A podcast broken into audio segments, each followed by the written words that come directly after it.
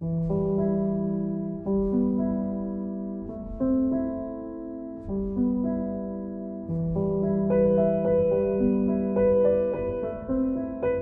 man skal jo have levet med hovedet ind i den store bagedyst de sidste 30 år, for ikke at være klar over, at vi har en del problemer, og at det, en del af dem hænger sammen med det, vi går og gør hele tiden. Men vi har ikke lyst til at vide det, for så skulle vi til at gøre noget andet, og derfor lader vi som om, vi ikke ved det.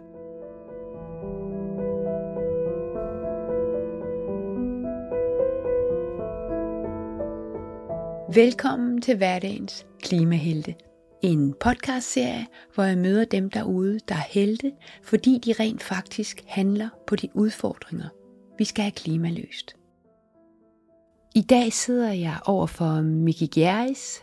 Han er min hverdagens klimahelt, fordi han dagligt gør og tør råbe os op med sine budskaber. Miki Gjerris er far til fem. Tre egne og to delebørn. Han er 51 år, klarer sig uden bil og har en svaghed, eller en last, som han selv kalder det, for teknik og nyeste gadgets. På hele højre arm kravler tatoverede havskildpadder, og på venstre underarm er tatoveret et stort træ med krogede grene.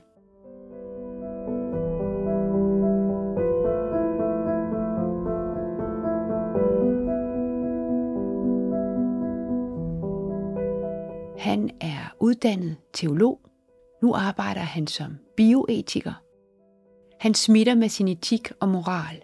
Begreber, som mange af os måske ikke helt fatter vigtigheden og omfanget af.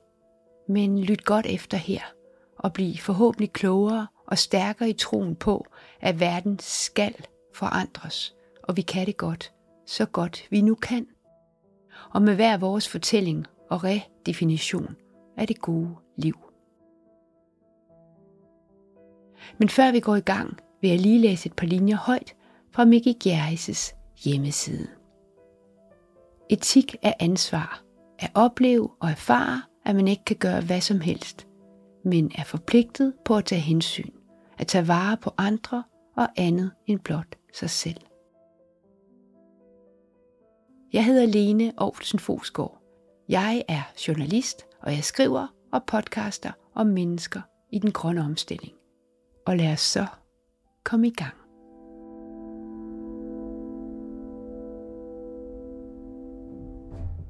Jamen, jeg hedder Miki Gjerris, som, som du sagde. Øh, jeg er teolog af uddannelse fra Københavns Universitet, og jeg har også skrevet min øh, phd afhandling på samme sted på teologi på Københavns Universitet, men så i 2004, da jeg var færdig med det, så tror jeg, at det teologiske fakultet tænkte, det jeg lavede var lidt for fjernt i forhold til sådan, det, de synes var interessant teologisk.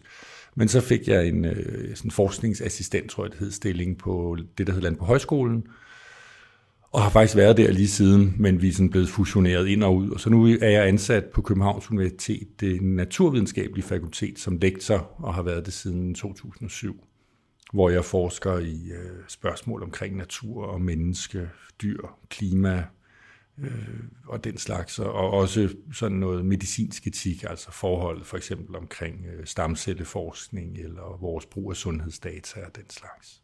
Øhm, du præsenterer dig jo også som bioetiker, og jeg har faktisk aldrig hørt det begreb før.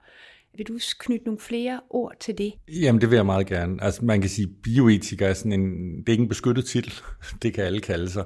Så det betegner mere et, et fagområde inden for etikken, så man kan sige, vi har noget, der hedder sygeplejeetik, vi har noget, der hedder forretningsetik, der er seksualetik, der er dyreetik, og så er der også et område, der hedder bioetik. Og de her områder lapper jo ind over hinanden. Men, men sådan fra udgangspunktet tilbage i 70'erne, da bioetik ligesom det er en ting, der handlede det rigtig meget om genteknologi øh, og spørgsmål vedrørende det. Øh, I dag er det sådan en term, der flyder lidt rundt, så jeg arbejder med fødevareetik, jeg arbejder med nanoetik, jeg arbejder med, som jeg sagde, medicinsk etik, sundhedsetik, jeg arbejder med miljøetik og dyreetik, og det er så samlet. Men på mit ansættelsesbrev fra Københavns Universitet, der står jeg lektor i bioetik. Og det er det, jeg betragter mig selv som. For bio kommer af det græske øh, bios, det levende, og etik er ethos, øh, hvad bør vi gøre, ikke? Så, så jeg tænker egentlig, det passer meget godt til det, jeg laver, men, men det er sådan en, en flydende titel, som er også god, fordi man kan passe det meste, man har lyst til ind under den hat, hvis nogen skulle spørge.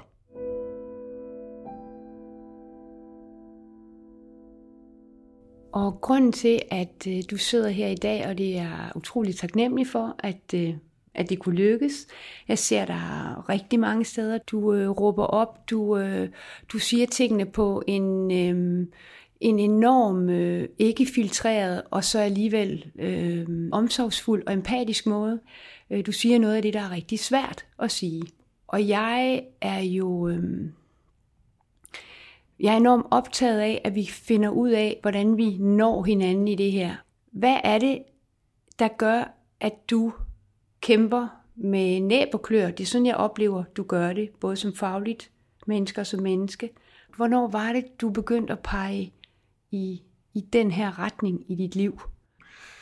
Jamen, jeg tror, når jeg prøver at tænke tilbage på, hvornår bliver jeg interesseret i menneskets forhold til naturen, så kan jeg huske, at som, som sådan knægt dreng, 11, 12, 13 år, der, der havde jeg sådan Greenpeace-plakater på værelset, og, og havde en, en, sådan en plade med valsang, og, og var sådan, jeg kom fra et, et hjem, hvor min, øh, min far døde, da jeg var, var ung, men min mor var sådan meget venstreorienteret, ikke? Så, så det lå sådan ligesom naturligt, ikke? At det var for dårligt, det med miljøet.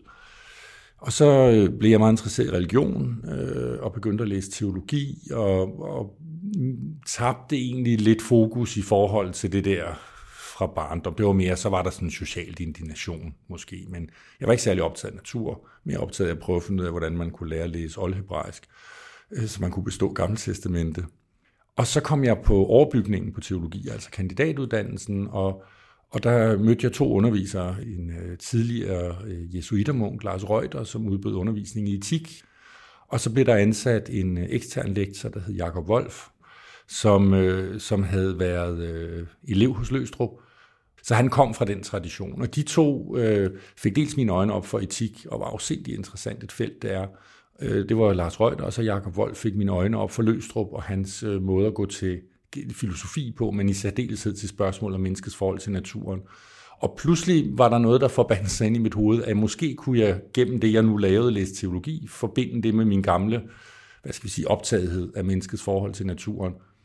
Og så er det sådan set bare gået slag i slag siden, øhm, samtidig med, at jeg er blevet, fordi jeg fik den stilling, jeg gjorde på Landbrug Højskolen, som jo meget er at undervise unge mennesker, der skal ud og lave noget praktisk. Altså det er dyrlæger og naturressourcestuderende og sådan noget så bliver jeg også mere og mere optaget af, hvordan kan man oversætte den akademiske etik til offentligheden. Øhm, og det gik meget godt i tråd med mine personlige idéer om, hvad vej skal det her samfund gå øh, som borger. Øh, så på den måde er det hele sådan inden for de sidste 15 år vel endt med at smelte sammen i, og det er sådan set bare det, jeg gør. Øh, så, altså jeg har sådan en, min, min kone er meget glad for, at hun ved, hvornår hun skal på arbejde, og hvor hun er fri. Øh, og jeg har det sådan, det, jeg er bare på arbejde. Eller også holder jeg fri. Jeg ved det faktisk aldrig helt, øh, og det gør mig ikke noget fordi at det, jeg er optaget af fagligt, er jeg også optaget af, hvad skal vi sige, personligt eller samfundsmæssigt. Øhm, så, så på den måde er jeg bare endt med at få lov til at gøre noget, jeg selv synes er vigtigt. Helt fra at sidde og skrive forskningsartikler, som otte andre mennesker læser og måske kan forstå, til at undervise, til at så også bruge noget tid på, som du var inde på, at deltage i, i sådan den offentlige diskussion omkring de her emner. Der må man jo sige, det er, klima- og naturområde, som, som fylder rigtig meget lige nu i den offentlige debat, og den vil jeg jo også gerne blande mig i, men, men samtidig er jeg jo også meget optaget af for eksempel dyreetik og, og spørgsmål omkring øh, vores forhold til dyrene. Øhm, men er det blevet, altså sådan som jeg hører dig derude, der er der også en, en meget større skarphed, og jeg vil ikke sige, det er en vrede, men du er meget tydelig omkring, at det her er noget, vi skal gøre noget ved. Og du, øh, du går efter politikerne, og du, øh, du er ikke bange for at, at sige til folk, at det her det er smadret vigtigt, og vi må handle på det. At det er noget, der er kommet Ja, det kommer jo i takt med, at, at mine kollegaer inden for andre felter, der forsker for eksempel i klimaforandringer, de i højere og højere grad gør opmærksom på, hvor travlt vi har. Øhm, og der mener jeg jo, at, at, at det kan jo være spændende nok at diskutere etik, og det kan jeg få mange timer til at gå med, men noget af det er måske ikke så vigtigt, men det her er jo rigtig vigtigt, fordi vi står i, lige foran, eller nærmest midt i, i hvert fald begyndelsen af en klimakatastrofe. Vi står i den sjette masseuddøen, altså arterne dør som fluer om ørerne på os. Så sådan at have tiden til at, at sige, nu tager vi lige fem år, hvor vi snakker om, hvad er problemet, altså hvad er det, vi ikke har siddet og drukket kaffe og snakket om de sidste 20 år, Altså det er jo ikke det, det handler om mere. Nu handler det om at få gjort noget. Så på den måde er det vel en, en stigende opmærksomhed på nødvendigheden af, at vi handler. Og så har man jo, og dels har jeg nogle idealer for, hvor vil jeg gerne have, vi går hen. Og så har jeg en idé om, jeg ved, hvordan vi kommer derhen. Og det er så den, jeg forfølger som sådan, man kan sige, min dagsorden i, i form af at være borger, altså politisk aktiv borger. Så har jeg en, en universitetsansættelse, hvor mit job jo ikke er at fortælle samfundet, hvor det skal gå hen, hele tiden i hvert fald, men, men også har et job med at kvalificere debatterne. Og prøve at sige, når vi skal tale om sammen om det her, skal vi gøre det på en ordentlig måde. Så skal vi for eksempel ikke stå og starte med at lyve for hinanden om, hvad vi ved. Og det er jo det, jeg i høj grad oplever politikere gøre. Jeg nægter at tro på, at de ikke er kloge nok til at sætte sig ind i, hvad der kommer af rapporter fra FN, og kan forstå alvoren af det her. Og når de så stiller sig op og lader som om, at de har styr på det, de voksne er in control, øh, og vi skal bare lige skrue på tre knapper, så kører det hele, og Danmark har verdens mest klimavenlige landbrug, ja, så mener jeg faktisk, at de står og lyver os op i hovedet. Og det mener jeg ikke, vi kan tillade os at have en diskussion, der starter på den måde. Så derfor tænker jeg også, at en vis en vis vrede og indignation er på sin plads, og det føler jeg jo også. Problemet er, at det kan meget hurtigt blive konstruktivt, og så står vi bare og råber hinanden. Så, så på en eller anden måde skal man jo være vred, men så det fører et sted hen. Altså det, vreden kan være med til at generere, at nogen hører dig. Men når de har hørt dig, skal de ikke være... Det er nok, at vi alle sammen bare sidder vrede. Altså vi skal, vreden skal være en drivkraft til at gøre, gøre noget. Og, og bare være vred på folk får dem jo ikke til at lytte til dig. Så, så man skal på en eller anden måde både være vred, og så få i virkeligheden få vist folk, at man også er vred på sig selv. Jeg tror meget, det er det, det handler om, at man ikke får placeret sig selv på en eller anden høj hest, hvor man kigger ned og fortæller, at jeg har styr på det, nu skal I bare gøre, som jeg siger. For det er i hvert fald ikke min egen oplevelse af mig selv. Den er tværtimod, jeg sidder i en synkende redningsbåd sammen med alle andre, og så kan det bare være, fordi jeg har nogle muligheder kvæg mit, mit arbejde og, og de evner, jeg nu bliver udstyret med, at, at jeg kan råbe lidt højere end andre på den her måde. Og så tror jeg, det er vigtigt, at jeg gør det og fortæller dem, der er hul i båden, og vi skal finde ud af noget sammen. Og der kan vi altså ikke bruge tiden på at sidde og skændes, om der er hul i båden eller ej. Det, det er ligesom fastslået.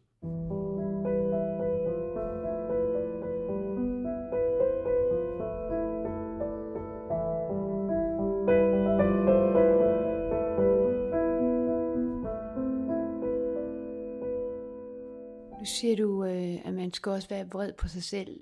Mm, kan du prøve at definere, hvor, hvor kan din vrede mod dig selv være?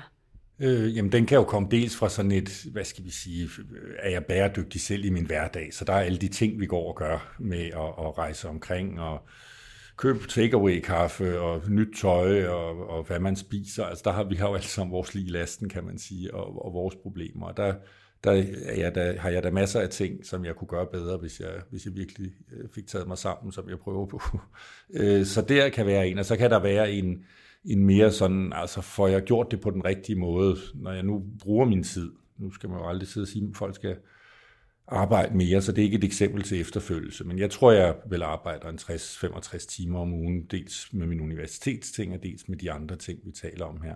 Får jeg brugt den tid ordentligt? Altså får jeg, får jeg gjort en forskel, eller, eller har jeg fået gjort noget, som fik vi nogen til at lukke ørerne, i stedet for at lytte? Og det vil jo være enormt ærgerligt, for det er sådan set ikke lige formålet. Vel? med. Og der kan det være, hvis man har været i en situation, jeg kan huske nogle tv-debatter, jeg har været i, hvor jeg måske er blevet for vred, og altså ligesom ikke har, har brugt vreden som et, et redskab til at formidle, men, men bare blevet sådan følelsesmæssigt, ja, ikke? Og, og så kan jeg mærke, når jeg selv ser det, og så står jeg af på mig, og så tænker jeg, det gør andre nok også. Ikke? Og det kan jo også øh, ærge en, når man ikke Altså når man nu har fået nogle evner og det, det, et eller andet omfang talenter, at man ikke bruger dem ordentligt, det, det, det synes jeg er så meget ærgerligt. Fordi jeg synes, jeg sådan set, at min opgave, sådan, uanset hvad for en situation vi er i som menneske, at jeg bruger det, jeg nu har, så godt som muligt til at, at tjene vores fælles interesser. Jeg synes jo, det er rigtig, rigtig interessant, fordi netop den der vrede og indignation, den, den ligger så tæt på frustrationen og sorgen. Altså de ting er jo meget, de følelser er meget beslægtet. Øhm, og så tænker jeg bare, altså er der et par redskaber der, nogle erfaringer, du har gjort, der bare lige, hvis vi nu bare lige indkapsler den her vrede, der skal være konstruktiv. Hvad kan man gøre, når man sidder med den der, det er jo også en afmagtsfølelse. Ja, vrede er tit afmagt, det, det er du fuldstændig ret i. Jeg, en ting, jeg i hvert fald synes selv er vigtigt, det er, at jeg får placeret mig i samme båd som dem, jeg taler med. Altså, jeg er hele tiden opmærksom på, jeg har sådan set ikke noget at lade andre høre. Så når jeg siger noget, så taler jeg også til mig selv. Det tror jeg er enormt vigtigt. Og i forhold til min selvvrede, jamen, så er det jo også en... Det er en accept af, at vi er dem, vi er. Vi er små biologiske, sårbare, dødelige væsener, og de fleste af os har en god vilje, og vi gør ikke, hvad vi kan, men vi gør det, vi synes, vi gør det så godt, vi kan. Og det skal man også have med, både når man ser på andre og sig selv, og så skal man prøve at finde ud af, hvordan kan jeg udfordre enten de andre eller mig selv, eller os alle sammen, til at prøve at gøre det lidt bedre. Fordi min erfaring er i hvert fald, at når jeg selv synes, nu har jeg gjort det så godt, jeg kunne, at så kan jeg faktisk godt flytte det. Så det er noget med hele tiden at, at, at ture, ture stille et ideal op og sige, der vil jeg gerne være. Det, det, det er målet. Og jeg accepterer, at jeg ikke kommer derhen, men jeg prøver hver eneste dag at få taget et, et skridt mere i den retning i forhold til, til det, jeg nu arbejder med, eller hvordan jeg er som far eller ægtemand, eller hvad det nu er. Vi er jo i mange roller her i livet. Ikke? Så, så jeg har i hvert fald fundet en vis fred i at, at tilgive mig selv og andre for vores øh, tåbeligheder, men også at fastholde, at der er et ideal, vi alligevel godt kan forsøge at nærme os, selvom vi ikke når derhen. At man behøver ikke slå ud med armen og sige, det kan jeg ikke, det er også håbløst. Uha. Ja, men altså, hvad vil du så bruge tiden på? Og, og bare være en del af problemet, eller vil du i det omfang, du nu kan, og med de evner, du fik, vil du så prøve at være en del af løsningen og se, hvad du kan, du kan skubbe til?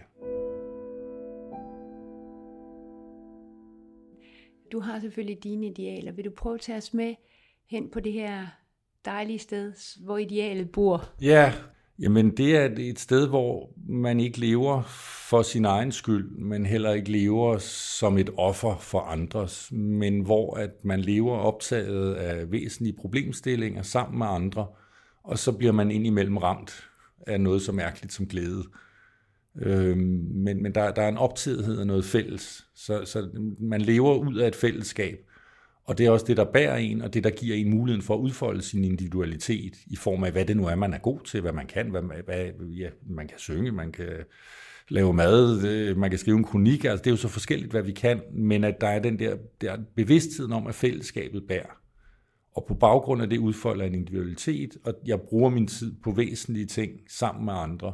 Og når jeg gør det, ja, så kan der ske det der med, at man en gang imellem lige pludselig finder ud af, at hold da op, hvor er det fantastisk så synes jeg, at tilværelsen er meningsfuld. Så gider jeg at stå op om morgenen og gøre det, jeg nu skal. Øh, og så har jeg ro sammen med dem, jeg har meget tæt på mig. Og, og det, er, det er sådan en ideal tilstand. Og den vil jeg da, jeg ved ikke, om jeg vil være i den hele tiden, det kan godt være, det vil ulydeligt. Men jeg synes, når det lykkes, så kan jeg mærke, så, er, så giver min tilværelse mening. Hver eneste dag er lagt an på at få nogle glimt af den der følelse af, at nu, nu, nu, nu er vi her. Ikke? Nu ånder jeg luften i fulde drag, og jeg ved godt, at vi er, vi er små, og vi skal dø alle sammen, og lige om lidt, så er det hele væk. Men lige nu er jeg her, og lige nu, der gør jeg det bedste, jeg kan i øjeblikket. Det, det, det er nok det bedste, jeg kan, nærmest jeg kan komme det. Og sådan øh, rent lavpraktisk, eller det er et forkert ord, men i forhold til den krise, vi står i, og som vi har været omkring, hvordan ser den ideelle verden så ud? i det her fællesskab? Jamen der er det jo i hvert fald for mig meget vigtigt at understrege, at fællesskabet er ikke kun mellem mennesker. Vi indgår også i et større fællesskab øh, med naturen som sådan. Og, og den er en del af det fællesskab, øh, og den, den er anderledes end, end vores del af fællesskabet, men det, der er jo også anderledes dele i vores eget lille fællesskab, altså etårige børn og stærkt mentalt handicappede og mennesker, der er demente og mig, har jo mange ting, vi ikke har til fælles, men vi har også meget til fælles, og lige sådan har jeg også en del til fælles med en gris og et træ. Så vi kan alle sammen være i det samme fællesskab. Og der er jeg den stærkeste, som skal forsøge at løfte det ansvar, jeg så kan for det fællesskab. Og for mig at se, så handler ansvaret om at give de livsformer, der er mulighed for at udfolde sig. Og det kan aldrig blive sådan en, en harmoni. Altså myg er, undskyld udtrykket, skide irriterende, øh, og nogle sygdomme slår os ihjel, og vi kan blive spist af løver. Men vi kan gå fra at leve i en tilstand, vi gør i dag som mennesker, hvor naturen er sådan en slags uudtømmelig køleskab, som vi mener, vi kan behandle, som vi vil stort set, og så bruger vi ordet bæredygtighed en gang imellem, fordi vi lige skal huske, nej, det kan vi måske ikke, men vi får ikke rigtig gjort noget ved det. At gå fra den forestilling til en forestilling om, at vi kan leve i respektfuld disharmoni med resten af naturen, fordi vi skal have noget at spise, vi skal bruge den, men det kan vi så sandelig gøre med, man kan sige, i dag gør vi det med en arrogance. Det kunne vi måske erstatte med ydmyghed og respektfuldhed, og, og, og så prøve at nå derhen til. Og der er jo rigtig meget at tage fat på, lige fra vores, øh, vores fødevareproduktion til vores drivhusgasudledninger i forbindelse med energisektoren for eksempel.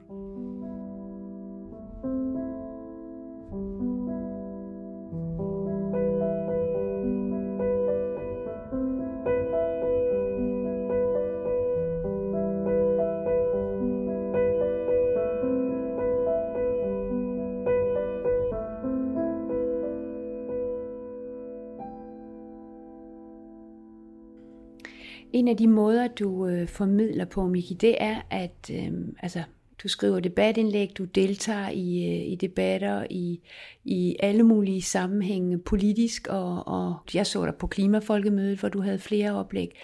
Du formidler, øh, kan man sige, på mange platformer, og så har du også lavet, det er ikke din egen YouTube-kanal, men du har lavet en række videoer, som, øh, som hedder De Andre Liv, som ligger på YouTube, hvor du kommer omkring øh, nogle af de her dilemmaer, og, og hvor etikken jo er, er bærende.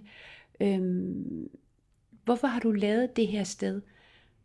Hvis vi lige starter med, hvorfor hedder det De Andre Liv? Ja, øh, De Andre Liv er fordi, at det, det skulle gerne fange to ting.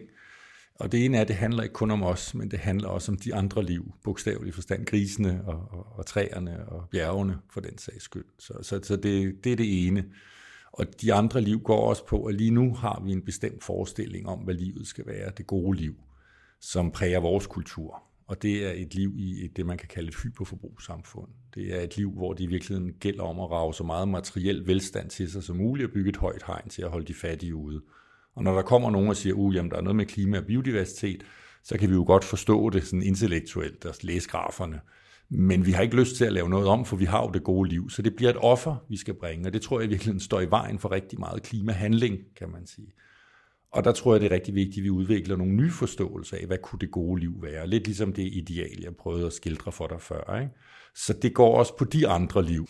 Øh, og, og det er en øh, mulighed, jeg har fået, fordi jeg blev kontaktet af en øh, professionel fotograf, der havde set et, øh, et af de her online-oplæg, mens vi alle sammen sad spærret inde. Så jeg holdt noget for Folkeuniversitetet, hvor han så havde set det. Og så kontaktede han mig og sagde, at han havde længe gået og tænkt på, at han gerne ville gøre noget. Altså han ville gerne bidrage til at redde verden, men han kunne ikke finde ud af, hvad det var, han kunne. Men nu har han fundet ud af, at det han gerne ville, det var at, at, at hjælpe mig til at komme ud på nogle andre platforme, end jeg plejede. Og så har vi siddet og talt om, hvordan kunne vi gøre det? Øh, og det blev så til de her små øh, videoer, hvor vi har fået lavet, jeg tror fem indtil videre, og og lige nu er vi faktisk i gang med at prøve at planlægge, om vi ikke kan lave en hel adventskalender. Øhm, og, og tanken er, at det så skal blive til et, et helt website med tiden, hvor der både kan ligge videomateriale, podcast, øh, altså alt muligt materiale, som primært kan bruges af mennesker, der ikke har den store filosofiske baggrund. Så det er ikke et akademisk sted. Det, det, det er til mennesker, der gerne vil vide noget og er nysgerrige, og som nogle gange bliver afskrækket af den retorik, du selv nævnte. Altså, der er meget vrede, det kan meget hurtigt blive også af dem, hvad enten det nu er den ene eller den anden fløj, ikke? og som derfor måske står af, og de går og tænker, jeg vil gerne, jeg har godt set problemet, men så møder de nogle sådan meget aktivistiske mennesker, der lænker sig fast til brugerplatforme, og bliver skræmt væk fra det, fordi de synes, det er for vredt og for voldsomt. Og det synes jeg sådan set ikke. Jeg har stor respekt for dem, der gør det. Men jeg kan også godt se dem, der kan blive skræmt af det. Og så tænkte jeg, der er måske brug for, at nogen siger det samme, men på en anden måde. Og, og det tænker jeg, det er jo så det, jeg kan. Jeg, jeg er ikke særlig god til at lænke mig fast til noget, tror jeg. Det tror jeg, jeg er ikke sikker på, at jeg tør. Men, men jeg har trods alt fået, fået lov til at bruge mange år på at øve mig i at, at sidde og tale om de her ting. Så det tænkte jeg, det kunne måske bruges til noget. Og så startede vi med de her videoer, fordi vi tænkte, de kunne også være gode i undervisningssammenhængen. Og, og jeg synes, der er et enormt behov for at, at nå ud i, i, især i gymnasieskolen i øjeblikket, og få gjort det her til en integreret del af undervisningen i så mange fag som muligt. Og der tænkte jeg at vise nogle elever en video på syv minutter, og så tage 35 minutter, hvor man snakker med dem om indholdet. Det kan man vel finde plads til i de fleste læseplaner. Så, øh,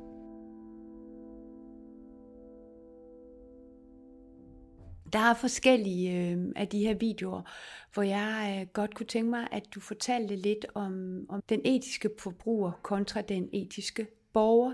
Altså man kan sige, den etiske forbruger var, var noget, der i særdeleshed begyndte at vinde frem i, øh, i 80'erne, øh, hvor at øh, vi ligesom bliver opmærksomme på, at gennem vores forbrug, så kan vi jo påvirke nogle ting.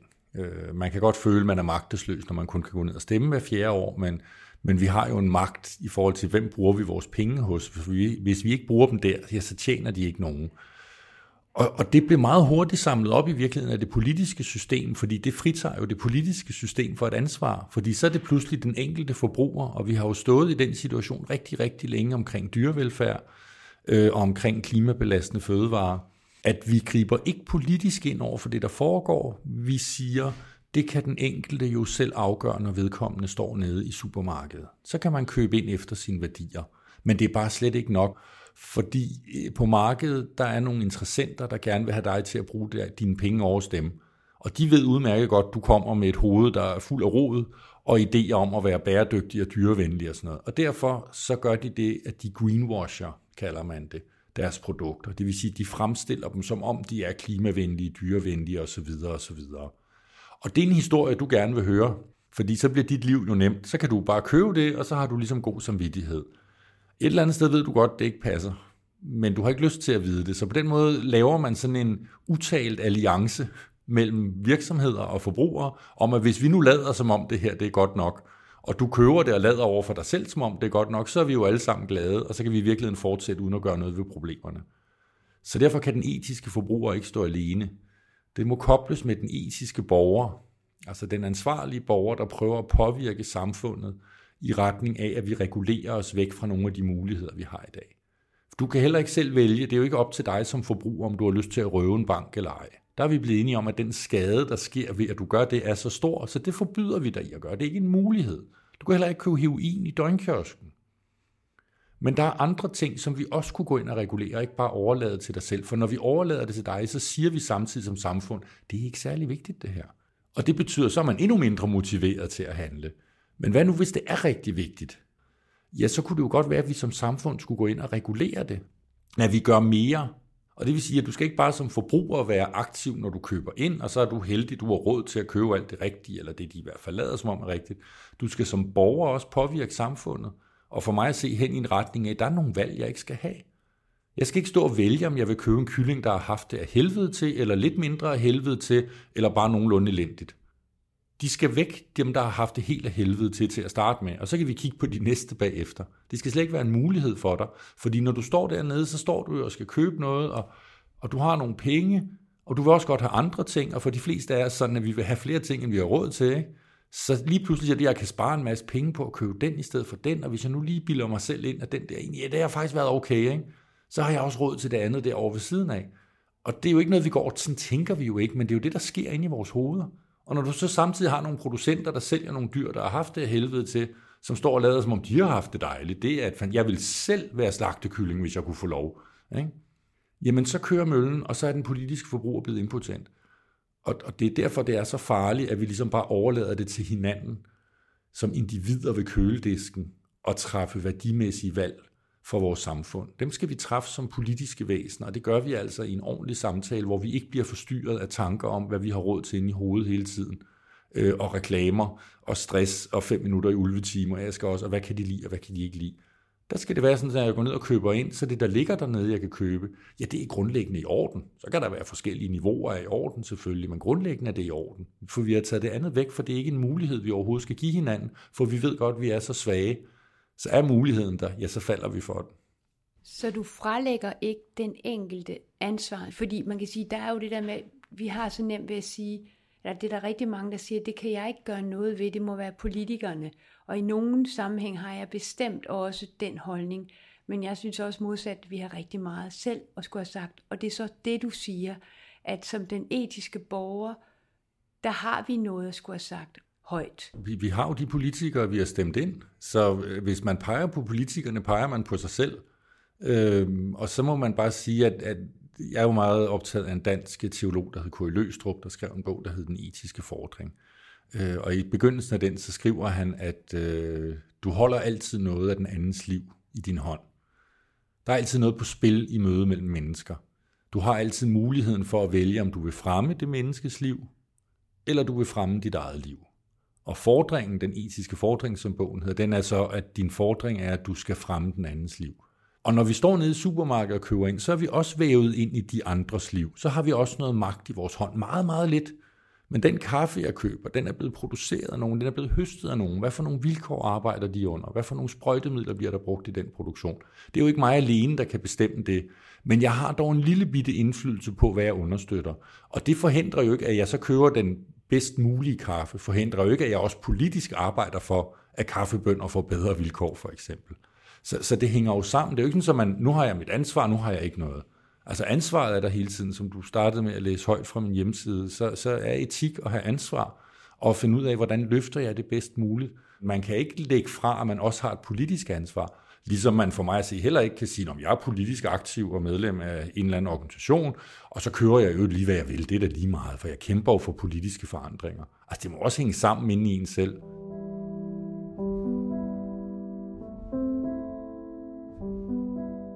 Jeg bad en god kollega inden fra mit kontorfællesskab om at se nogle af Mikis videoer igennem og reflektere lidt over dem.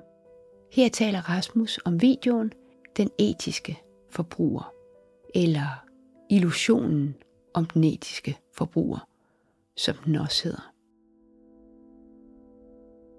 Øhm, jeg hedder Rasmus Agerskov, og jeg er 35 år gammel. Noget af det, jeg synes var meget interessant, det var det der skæld mellem, øh, mellem om vi er forbrugere eller vi er borgere. Fordi som borgere, der tænker vi ligesom, øh, vi tager stilling, vi, øh, vi tænker i idealer, altså vi har en holdning om, hvordan det burde være, altså et ideal. Øhm, men som forbrugere, der er det lidt en anden sag. Øhm, der er forskel på, hvad man synes er det optimale at gøre, og hvad man så rent faktisk gør, når man handler. Ikke? Man kan sige, at vi som borgere tænker langsigtet, øh, tænker i det bedste for helheden, mens vi som forbrugere tænker kortsigtet, hvad har vi lige behov for, og hvad har vi lige lyst til. Ja, så derfor synes jeg, det er naivt at forestille sig, at det er den enkelte forbruger, der ligesom skal, der skal redde verden, der skal, der skal løse problemet. Det lyder godt, at øh, det er meget frihedsagtigt, vi bestemmer selv, hvad der skal i kurven og så videre. Men det er bare ikke der, beslutningen skal tages, når vi står i supermarkedet. Nå, jo noget andet, jeg har tænkt, det er det her med, når det er op til den enkelte forbruger, så skal beslutningen ligesom tages gang på gang på gang på gang. Den skal tages resten af livet faktisk, hver gang du står i supermarkedet. Øhm, hvis det var reguleret, og varerne ikke var på hylderne for eksempel, så var beslutningen ligesom allerede taget en gang, og så kunne man ligesom ikke købe de varer, der nu var de dårlige varer. Så det gør det jo også meget mere, det gør det nemmere at leve op til det her, ja, at leve op til målet om, at vi skal leve mere etisk korrekt. Og snakke lidt om filosofien for eksempel, øh, om konsekventialisme, altså det vigtige må være, at vi når frem til det rigtige resultat. Og hvis det er nemmere at varerne slet ikke er på hylderne, så må det være, så må det være den vej frem. Ligesom med alle andre ting, når vi har snakket om, hvis, hvis du gerne vil leve sundt, for eksempel, når du skal tabe dig, altså lad være med, gør det svært for dig selv at tage det forkerte valg. Uh, lad være med at have tips i huset, for så spiser du dem ikke. Uh, lad være, på samme måde kan man sige, lad være med at have varerne på hylderne, så køber man dem ikke. Uh, så skal gøre det, gøre det nemmere at træffe det gode valg. Men Rasmus, tænker du, at, at tiden er inde til, at vi simpelthen fjernede det fra hylderne, som vi vidste, øh, som forskerne har fortalt os, er uhensigtsmæssig og, og skadelig for, øh, for den jord, vi bor på? Et kort svar ja. um, skal også noget af det, han er inde på, at det her med, at det er nemt at tro, at det er ikke så vigtigt, er det nok ikke, når, der ikke, når det ikke er reguleret. Um, vi tænker måske nemmere, at så vigtigt kan det ikke være, når der ikke er lov omkring det, der er lov om så mange andre ting, så tager man det måske lidt mindre seriøst. Og jeg tror også, at det kan gøre, at vi er bange for, om vores indsats nytter egentlig. Fordi når der ikke er regler på det, så kan du se, øh, man kan se andre forbrugere købe det ene eller det andet. Så hvorfor skal jeg redde verden? Altså der bliver også den der lidt magtesløshed i, at det er op til en selv, det er op til mig selv at gøre det her. Så igen, konsekvensen af, at det ikke er reguleret, øh, er måske negativ.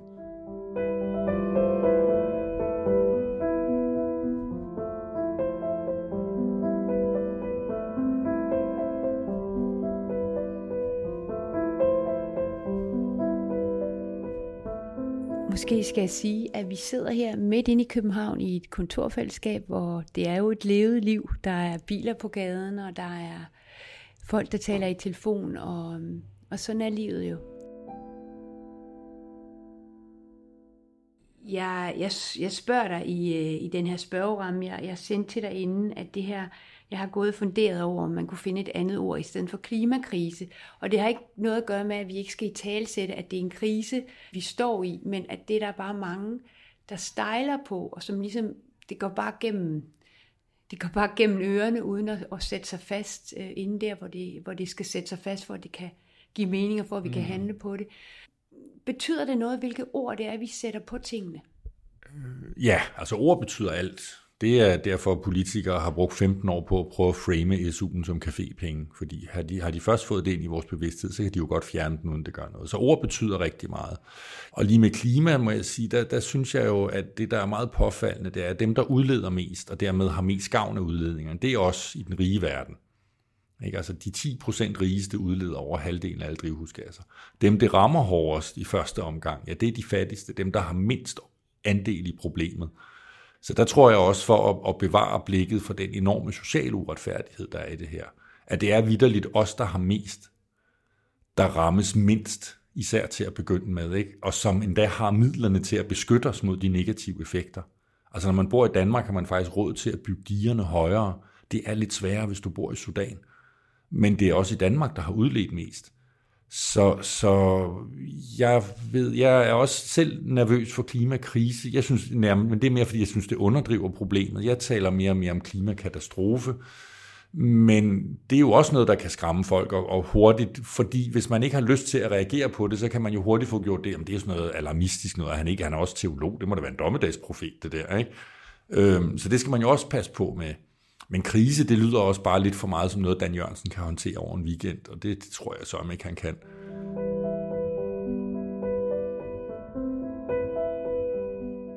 I en søndagspolitikken for nylig måtte jeg læse en sætning flere gange. Var det virkelig rigtigt? Sætningen lød, kun 4% af verdens CO2-udledning kommer fra Afrika, med en samlet befolkning på 1,3 milliarder mennesker kun 4 procent, og det er kontinenter som Afrika, at klimaforandringerne rammer allerhårdest med de stigende temperaturer. Begrebet climate justice, eller på dansk klimaretfærdighed, handler jo præcis om det. Når der er demonstrationer, er det en af de sætninger, der altid råbes. Og det er de unge, der altid råber højst. De har godt fattet det. Så, så vi leder efter ord. Jeg tror i virkeligheden, det jeg prøver at sige, når jeg holder foredrag om det her, det er, at jeg prøver at, at, at sige, at, at vi, står, vi står i en klimakrise, men vi står også i en klimamulighed. Der er en chance her for at se igen på den tilværelse, vi har, for at få talt med hinanden om, hvad er det gode menneskeliv egentlig? Hvad vil jeg med min tilværelse? Hvornår er det værd at være her? Og så få øjnene op for nogle af de ting, vi skal til at gøre anderledes – det er måske nok et offer i forhold til at leve det gode liv, som vi tænker i dag, i forhold til økonomisk vækst og flere og flere ting. Men det er det ikke i forhold til det andet. Der er det faktisk mulighed for at åbne døren op for for eksempel at kunne begynde at leve. Altså jeg synes jo, det er fantastisk ved at spise mindre kød. Så kan man faktisk få en erfaring af, at man ikke behøver hele tiden at gå og bilde sig selv ind, at det kød, man spiser, kommer fra dyr, der har haft det godt, selvom man ved, det er løgn. Det er faktisk et problem, du slipper af med du kan faktisk få mere roligt måltid med dig selv. Altså det var sådan, jeg selv begyndte at, og da jeg, da jeg blev vegetar i sin tid, det var fordi, jeg blev så eventyrligt træt af, at hver eneste gang jeg sad og spiste, så havde jeg meget, meget lange diskussioner med mig selv, om det her nu var rigtigt eller ej, og hvor godt havde de dyr haft det, og hvad vidste jeg egentlig om det. Og til sidst tænkte jeg, hvis jeg nu bare lader være, så ikke meget bøvl, jeg kan slippe for, det er måske mindre bøvlet øh, at lade være. Ikke? Og så var der så en periode, hvor man skulle til at vende sig til at spise noget andet, og hvordan laver man det? Men det gik sådan rimelig hurtigt over. Ikke? Og så var det faktisk lige pludselig en mulighed for at have et bedre liv, fordi jeg var slappet simpelthen af med nogle bekymringer, rent bogstaveligt, når jeg skulle spise. Og så kunne jeg fokusere på noget andet. Øhm, og det er jo et meget sådan lavpraksis, tror jeg, du kaldte det før, eksempel på, at at det ikke kun et problem, man skaffer sig på halsen, eller et offer, man skal gå og bære for at hensyn til nogle andre. Det er også en mulighed for at få et bedre liv og opleve, at man hører sammen med den her verden, den, den glæde, der er ved at færdes blandt træer, og, og vide, at man da forsøger så godt man nu kan, at hjælpe dem til også at være her.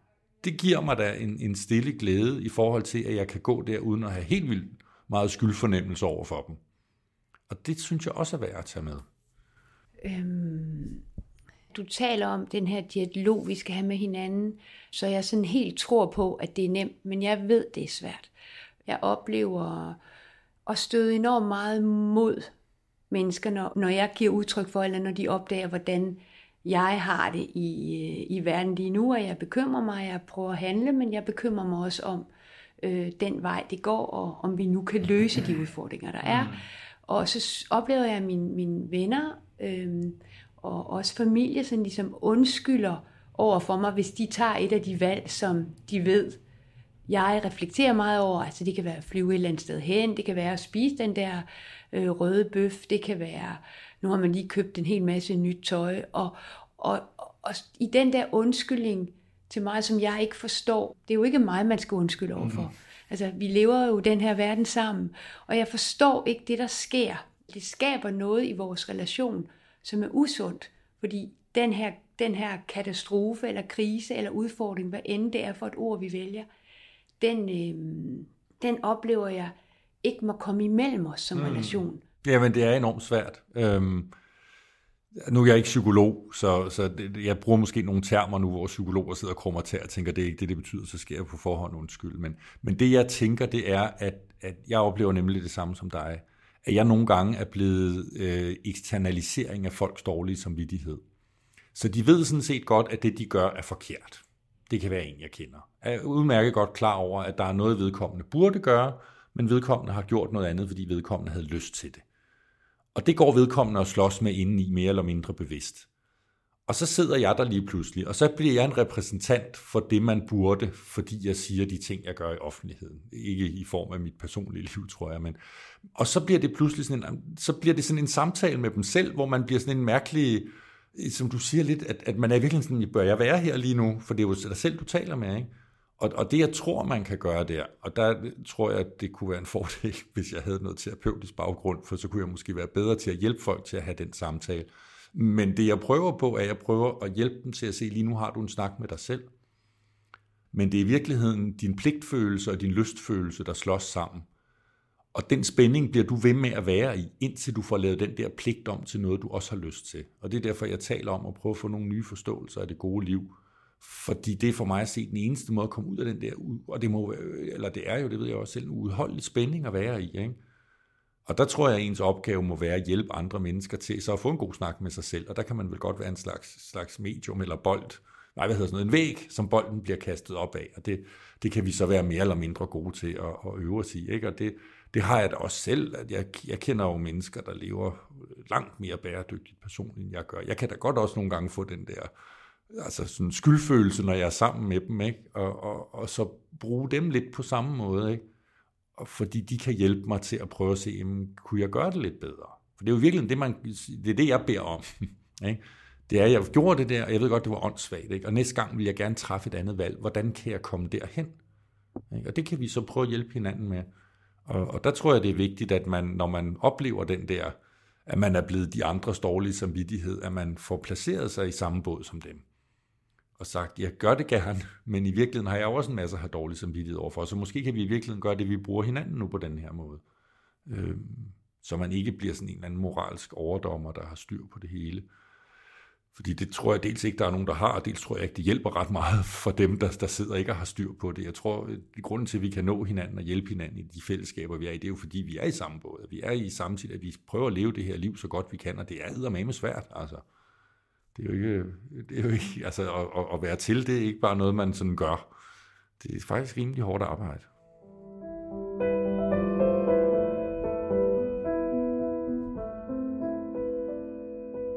I, øh, I den her snak lige nu, der kommer jeg også sådan til at tænke på det her begreb, du refererer til i en af de her de andre liv.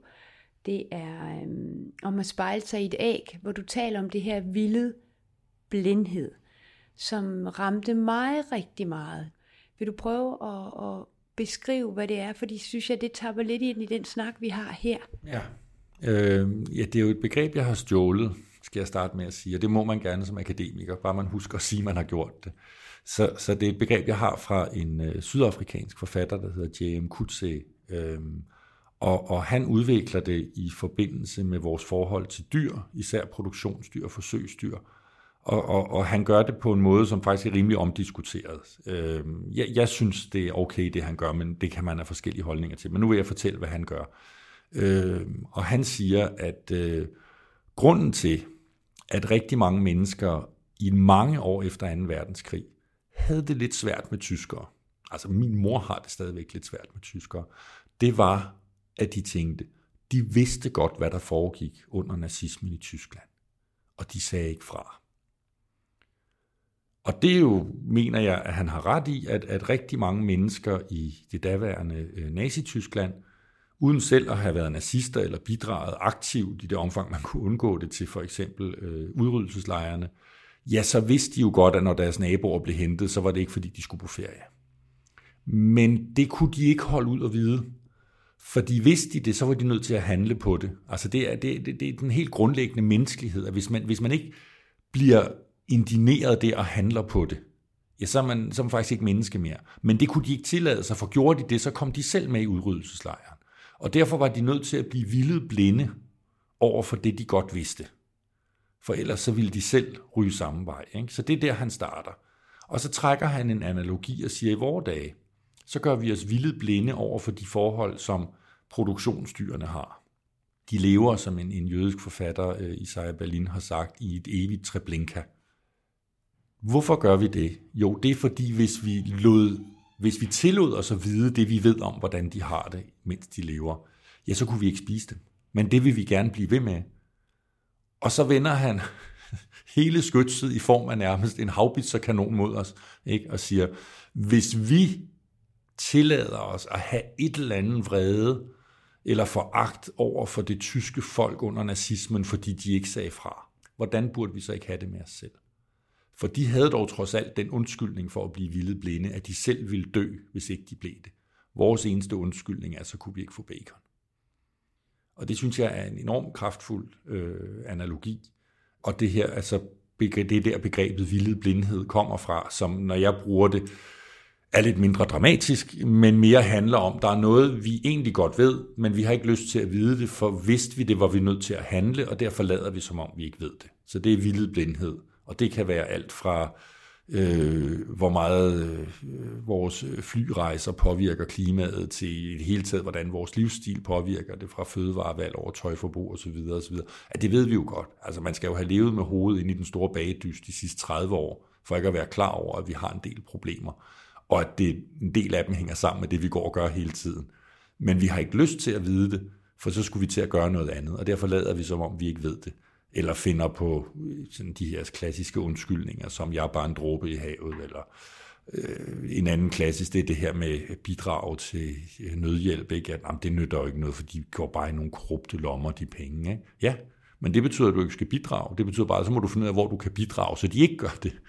Men, men sådan lever vi med en række undskyldninger for ikke at handle, og, og en række selvbedrag, som man så kan samle under, under betegnelsen vildet blindhed. For at gå lidt længere ud af den vej, fordi det jeg jo også er ekstremt optaget af, det er jo den der med, som vi har været meget inde omkring, hvordan er det, vi taler sammen om det, hvordan er det, vi inspirerer og motiverer hinanden til at indse, at vi må handle sammen. Øh, og der har vi jo alt den viden, der overhovedet burde være nødvendig. Det kan godt være, at vi så bruger vildet blindhed i forhold til den viden. Øh, hvordan bliver vi ramt følelsesmæssigt? Altså, hvad, hvad, hvad skal der til? Ja, se, det er jo det, hvis jeg vidste det, så var jeg ikke blevet akademiker, så var jeg blevet kunstner. For det, det, det meget banalt svar vil være, det kan kunst. Det kan fortællinger. Det er det, der rammer vores følelser. Det er, når vi når vi kan indleve os i det, når vi kan se os selv i det. Det er jo det, litteratur kan og kunst kan det hele taget. Det, det giver os et, et, et sted at gå hen, hvor vi kan identificere os ind i andre liv og se os selv derfra, og dermed også motivere os. Så, så det vi kan som enkeltpersoner nu, det er jo, vi kan jo fortælle fortællinger om vores andre liv, om vores egne liv, hedder det, der kan inspirere andre. Altså et, et rigtig godt eksempel, det er, at der er sådan et, øh, et, og det synes jeg er et vrangbillede, men der er et billede af den vrede veganer, altså som render rundt og kaster rød maling på folk, der spiser hapstok og går med pels på strået. Ikke? For nogle år siden var jeg ude øh, med min kone øh, og skulle øh, handle i København, så det var sådan, vi var til, taget til Københavnstrup, og, og min kone skulle ind og se på dametøj, og som en god ægte mand, så havde jeg sat mig udenfor på en bænk med en kop kaffe, øh, for det orkede jeg alligevel længe. Og så kom der pludselig nogen hen og sagde hej til mig, og det var så nogle øh, aktivister fra øh, Veganerpartiet, som jeg kender fra forskellige sammenhænge, som sagde, har du ikke lyst til at komme og få noget kage? Så sådan noget kage. Og så havde de gjort det, de havde taget sådan en øh, pavillon med, som man kender det fra festivaler og campingpladser. Øh, det var sådan om vinteren, ikke? det var koldt. Øh, og så havde de bagt en masse veganske kager og sat borer op og lavet kaffe. Og så når folk kom forbi, så tilbød de dem gratis et stykke kage og en kop kaffe, så folk kunne smage, hvor lækkert det var at spise vegansk bagværk. Det synes jeg var en fantastisk fortælling. Det synes jeg var en måde at prøve at nå folk på, på en anden måde end gennem viden eller gennem vrede, men gennem oplevelser, gennem fællesskab, gennem samvær. Så det er sådan, vi kan nå hinanden. Og er der nogen, der kan det, så er det jo kunstnere. Altså så er det jo, og det er der jo heldigvis en stigende interesse for inden for kunstens verden. Jeg var så heldig her i sommer ved sommerjævndøgn at være blevet inviteret op i et, et galeri, der ligger ude i en skov øh, uden for Næstved, som en, som en kunstner har, og som hun så låner ud til andre kunstnere, som så bliver sådan en uh, artist in resident, eller hvad det nu hedder, residence. Men det var i hvert fald sådan et sted, hvor der var en 50-60 kunstnere samlet en eftermiddag, og jeg var så blevet inviteret op til at holde et lille oplæg. Men at gå rundt blandt dem og tale med dem og mærke den der kreativitet og de måder, de kunne sætte ord på det gode liv. Fortælle fortællinger, som er som rører os, og det, der rører os, er det, der flytter os. Ikke? Det, det, gør, det gør fakta og viden og dårlig samvittighed og sådan noget. Det, det er alt sammen noget, der er nødvendigt, men det er ikke nok. Det, der rører os, det er fortællinger, hvor vi kan se, der ligger et godt liv. Der er noget at gå efter der. Der er et spor, jeg også har lyst til at forfølge. Der er noget, noget mening og noget glæde og noget oplevelse. Og, og det kan flytte folk. Og det er derfor, vi skal have de fortællinger. Tusind tak for et fantastisk godt svar. Og det er jo så også implicit en, en, øh, et opråb til, at flere kunstnere kommer på banen. Man skal jo altid passe på med at spænde kunsten foran en eller anden, en eller anden vogn, fordi kunst er for mig... Øh, det er mennesker, der tænker over tilværelsen, som vi alle sammen gør. De har bare sådan en særlig måde at give udtryk for det på. Jeg tror sådan set, det bedste, de kan gøre, er at give udtryk for det, der nu måtte være inde i dem. Øhm, og der kan vi jo også se, altså lidt ligesom jeg kan se, at da jeg begyndte at lave de her ting på teologi for ja, hvornår var det? Det er jo lidt mere end 20 år siden, jeg startede på det. Ikke? Der var min lærer, og så ingen andre, der syntes, det var interessant. Og i dag, der har vi Grøn Kirke, og jeg øh, rejser rundt og holder foredrag i, i alle mulige sovnehuse, og, og det er blevet en helt anden bevidsthed om det inden for teologien også. Øhm, og, og sådan er det jo også i kunsten, og det begynder også at fylde i dem. Ikke? Og blandt andet på det her sommermøde øh, snakkede jeg med en væver, øh, og hun var 10 år yngre end mig. Ikke? Men hun fortalte, hvordan hun var uddannet designer og væver, og, og hvordan det var begyndt at fylde i hende, og hun var tænkt over, hvordan kan jeg få, få det udtrykt? Ikke? Og jeg sad sådan, hvordan fanden udtrykker du klima gennem garn og vævning? Ikke? Men altså, det er så det, hun gør. Og det, det er da fantastisk, ikke? Og, og, og, og hvis man var mere kunstnerisk øh, øh, intelligent, end jeg er, så kunne man sikkert også se det. Jamen det er da godt, så gør hun det der og rammer dem, hun rammer der. Og så er der andre kunstnere, der gør noget andet og fortæller det fra, fra deres synsvinkler. Eller noget, kunsten kan? Det er jo det, man, det er jo det, jeg så gerne vil i virkeligheden med det, jeg laver. Det er jo ikke, øh, jo, jeg vil også gerne have folk høre efter, hvad jeg synes, men, men, men helst vil jeg jo have, at de, de selv, altså at det vækker dem nok til, at de selv begynder at tænke om, hvad mener jeg, og hvor er jeg henne i det her? Så de er ikke bare ligeglade. Og, og det er jo det, kunsten kan, at den, kunsten giver jo sjældent klare svar, men kunsten får os til at tænke og lige pludselig reflektere over ting, vi ikke havde reflekteret over før, for øje på, der er problemer der, men måske også muligheder. Ikke? Og det, det synes jeg er, er, er noget af det vigtigste i dag, det er, er, er samarbejdet mellem naturvidenskaben, åndsvidenskaben og kunsten omkring det her. Og det begynder heldigvis at dukke op øh, lige så stille rundt omkring i forskellige sammenhænge. Og det, det synes jeg er, er fantastisk inspirerende, og i, i det omfang, jeg kan finde ud af det og, og være en del af. Nu har du sagt til mig, at du er hverken psykolog eller orakel, men øhm, hvis vi nu lige hører min mands øhm, ja. spørgsmål, øh, så du kan befri ham lidt fra sin dårlige samvittighed også. Jeg prøve på. Øh, jeg hedder Søren, og jeg er læge på Rigshospitalet. Og de senere år er jeg taget på kongres to til tre gange øh, om året, og øh, alle de kongresser er jo foregået med, med fly. Og øh, mit spørgsmål er nu, øh, kan jeg tillade mig at tage, på de her kongresser? Jeg er rigtig glad for dem. De giver mig meget fagligt. Øh, det personlige møde og networking er faktisk vigtigt øh, for mig. Øh, hjemme hos os har vi, har vi jo gjort rigtig meget øh, for at øh, leve på en øh, klimaanstændig måde. Så mit spørgsmål er, om jeg også skal bringe den her klimatankegang ind i mit faglige job. Øhm, ja, tak for spørgsmålet. Det er jo en enorm øh, udfordring for, for os, der arbejder i den, den akademiske verden også, øh, øh ligesom, ligesom du også gør her, at øh, vi rejser rundt og deler viden med hinanden, fordi vi er så specialiserede, så vi, vi sidder ud over hele verden, og så må vi jo samles for at dele det. Jeg tror, det jeg øh, har opdaget, og især under corona vil jeg sige, det er en del af den rejseaktivitet kan godt undgås, fordi vi kan faktisk godt mødes online. Og jeg vil også sige, nu skal jeg jo ikke kunne sige, hvordan det er at gå til dine kongresser, men dem jeg går til, der er rigtig mange af de oplæg, der bliver holdt, dem kan jeg sådan set bare læse på papir. Og så kan man jo gøre det, at man øh, enten kommunikerer skriftligt om de spørgsmål, man har, eller mødes online. Men så er der også det her med, at det er vigtigt at mødes ansigt til ansigt, og det er jeg faktisk enig i. Det, jeg har opdaget i mig selv, nu siger jeg ikke, det er tilfældet for, for dig, men, men det er, det har også lidt været en undskyldning, fordi det var faktisk også meget sjovt at komme ud og rejse og få set Zürich og Barcelona og Basel og hvor jeg nu har været henne.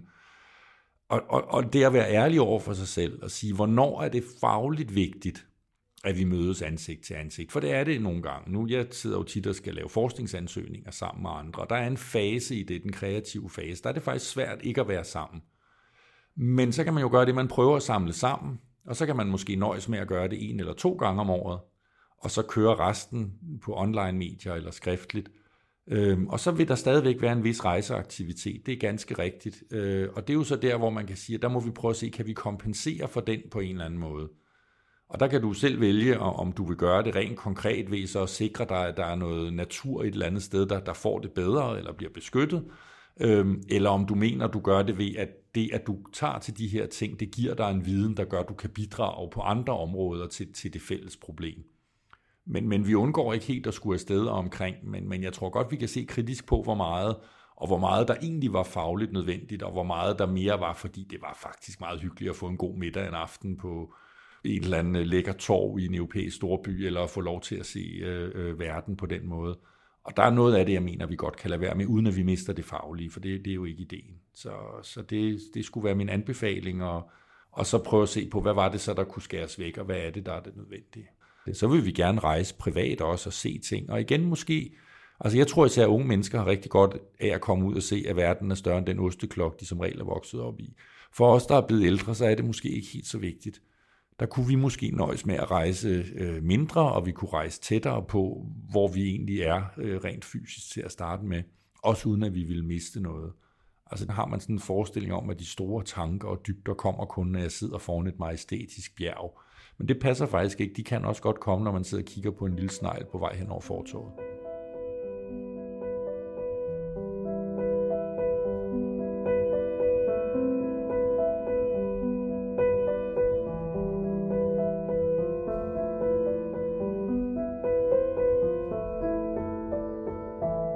Tusind tak, fordi du lyttede med.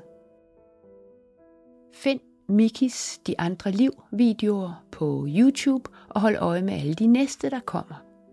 Del gerne episoden her og skriv en anmeldelse, hvis du vil hjælpe hverdagens klimahelte endnu bredere ud.